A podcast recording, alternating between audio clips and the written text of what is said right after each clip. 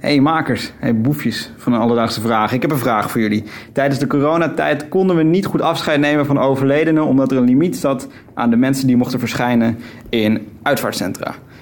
Uh, nu vraag ik me af, mocht er nu een piek komen, uh, zijn we dan wel goed voorbereid? Kunnen we dan wel gewoon goed rouwen en afscheid nemen? Alledaagse vragen. NPO Radio 1. BNN Vara. Podcast. Met Merel Wielaert en Aaron de Jong. Dankjewel Mark voor je vraag. Ja, en nu die besmettingscijfers weer aan het oplopen zijn, is het misschien wel goed om uit te zoeken. Ja, Merel, de dood. Uh, we zijn misschien nog een beetje te jong om over na te denken. Um, maar goed, door corona was er een uh, flinke oversterfte. Um, waardoor sommige uitvaartbedrijven het zo druk hadden dat ze zelfs mensen moesten weigeren. Dus ik mag hopen dat uh, ja, ze nu beter voorbereid zijn op een ja. volgende pandemie. Mensen weigeren, wat betekent dat ook? Werden dan sommige mensen gewoon in een veld nou ja, dat niet. ja, dan moesten ze op zoek gaan naar een ander uitvaartbureau. En om te checken of die uitvaartbranche nu voorbereid is op een nieuwe sterftepiek, belde ik met de BGNU.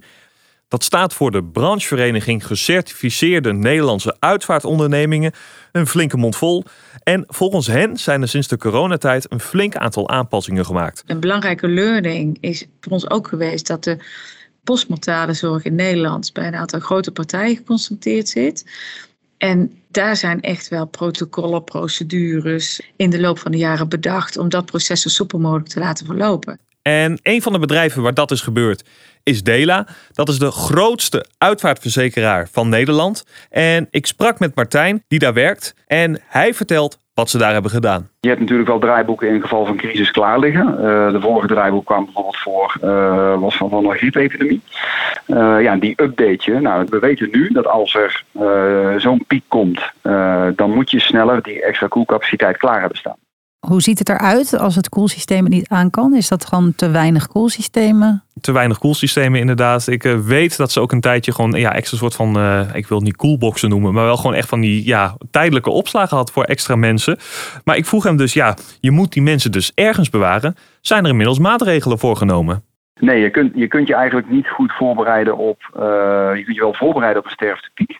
Uh, maar in dit geval zou het betekenen dat je die koelcapaciteit permanent uh, erbij moet staan. Ja, dat, dat is niet handig, omdat je, dat, dat past niet helemaal goed bij je pand. Je kunt het er wel aan koppelen, maar het staat niet mooi. Hè. En toch moeten de gewone uitvaarten moet ook passend zijn en moet allemaal in de juiste sfeer zijn. Uh, en je kunt niet zomaar de inpandige koelcapaciteit kun je, uit, kun je niet zomaar uitbreiden. Dus in theorie is er een oplossing, meer koelcapaciteit regelen, maar in de praktijk blijkt het nog best wel lastig. Dat is best een probleem. Ja, zeker. Ik bedoel, er gaan meer epidemieën komen en überhaupt andere onverwachte momenten. Ja, inderdaad. Maar goed, wat hij dus zegt, je kan dus niet zomaar zo'n pand veranderen, want dan gaat de hele uitstraling eraan en dan ziet het er ook niet meer heel chic uit voor mensen, ziet het er een beetje raar uit. Dus ze zitten daar behoorlijk mee in de clinch. Zijn er dan helemaal geen oplossingen?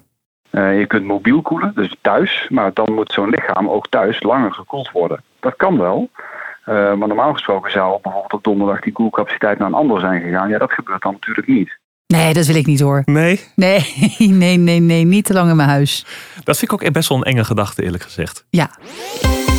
Alledaagse vragen. We weten nu dat er struggles gaan zijn als er een nieuwe sterftepiek komt. Maar wat doe je dan als een uitvaart van de bekende weer wordt uitgesteld? Nou ja, gelukkig zijn er alternatieven. En geloof me, Merel, op het gebied van uitvaarten gaat het alle kanten op. Van lichtkisten tot dildo's. Jezus, waarom heb ik dit gesprek ineens vandaag? Ja, sorry Merel. Maar zo gaat het bij alledaagse vragen. En speciaal voor jou heb ik een lijstje met alternatieve manieren om begraven of gecremeerd te worden. Kom maar met me door. Ik ben, uh, ik ben helemaal voor creatief uh, begraven ja, of gecremeerd worden. Ja, jij bent geïnteresseerd in de alternatieven? Ik sta er voor, volledig voor open. Nou, ik heb een, hier een heel mooi lijstje opgesteld. Je kunt jezelf begraven in een eimerel. Dat is een ei dat is gemaakt van bio-oplastbaar materiaal. En daar word je in een foetushouding ingelegd. En dan uit jou groeit een prachtige boom. Oh, oh, Oké. Okay. Oh, okay. Je kan ook zittend begraven worden. Ja, nou, oh. ja. Waarom? Waarom? Ja, waarom? Waarom niet? Nou ja, liggen vinden we toch het lekkerste wat er is uiteindelijk. Ja, maar we zitten al zoveel. Ook. Daarom. Ja, misschien... Laat maar lekker liggen. Oké, okay, nou ja, gaan we door naar de laatste. Want wil je echt iets nalaten, Merel, dan kun je altijd nog je eigen as nalaten in een dildo. Nee, kom op. Ik vind het echt een heel eng idee. Ja? Ja, absoluut. Absoluut. Als, als iemand waarmee ik normaal gesproken graag naar bed ga dat voor mij zou doen, dan zou ik niet echt ontspannen uh, aan uh, zelfbevrediging gaan beginnen als ik weet uh, dat daar as in zit. Nee. Oké. Okay. Nou, het idee was dus van de Nederlandse kunstenaar Mark Sturkenboom.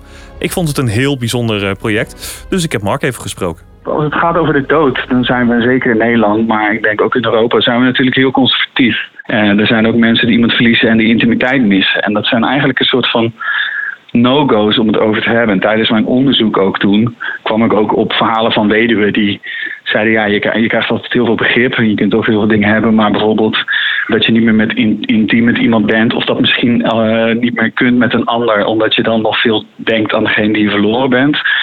Ja, dat zijn thema's die, die zijn heel pijnlijk. En ik dacht, ja, dat vind ik juist interessant om dat narratief zeg maar een stem te geven. Ja, ik snap het wel. Echt serieus hoor. Het is absoluut niet om het project af te zeuren. Het is gewoon, ik, zit, ik zie mezelf daar zitten of liggen en dan begin je eraan en denk ik zou gewoon te afgeleid zijn door het idee van dit is as. Maar in de context van taboe doorbrekend en dat dingen die samenkomen, ja, natuurlijk zit daar iets heel moois en iets waardevols in. Dus Mark, om antwoord te geven op jouw vraag, zijn uitvaartcentra voorbereid op een nieuwe oversterfte? Ja, ze weten wat ze moeten doen, maar echt fysiek voorbereid zijn blijft lastig. Wel is het natuurlijk zo dat ze ontzettend veel geleerd hebben van de coronatijd, dus mocht er een nieuwe sterftepiek komen, dan kunnen ze die beter managen. En heb jij nu ook een alledaagse vraag? Wij beantwoorden er elke werkdag eentje voor je. Spreek hem in via onze Insta of via de NPO Radio 1-app en we zoeken het voor je uit. Alledaagse vragen. NPO Radio 1. BNN Vara. Podcast.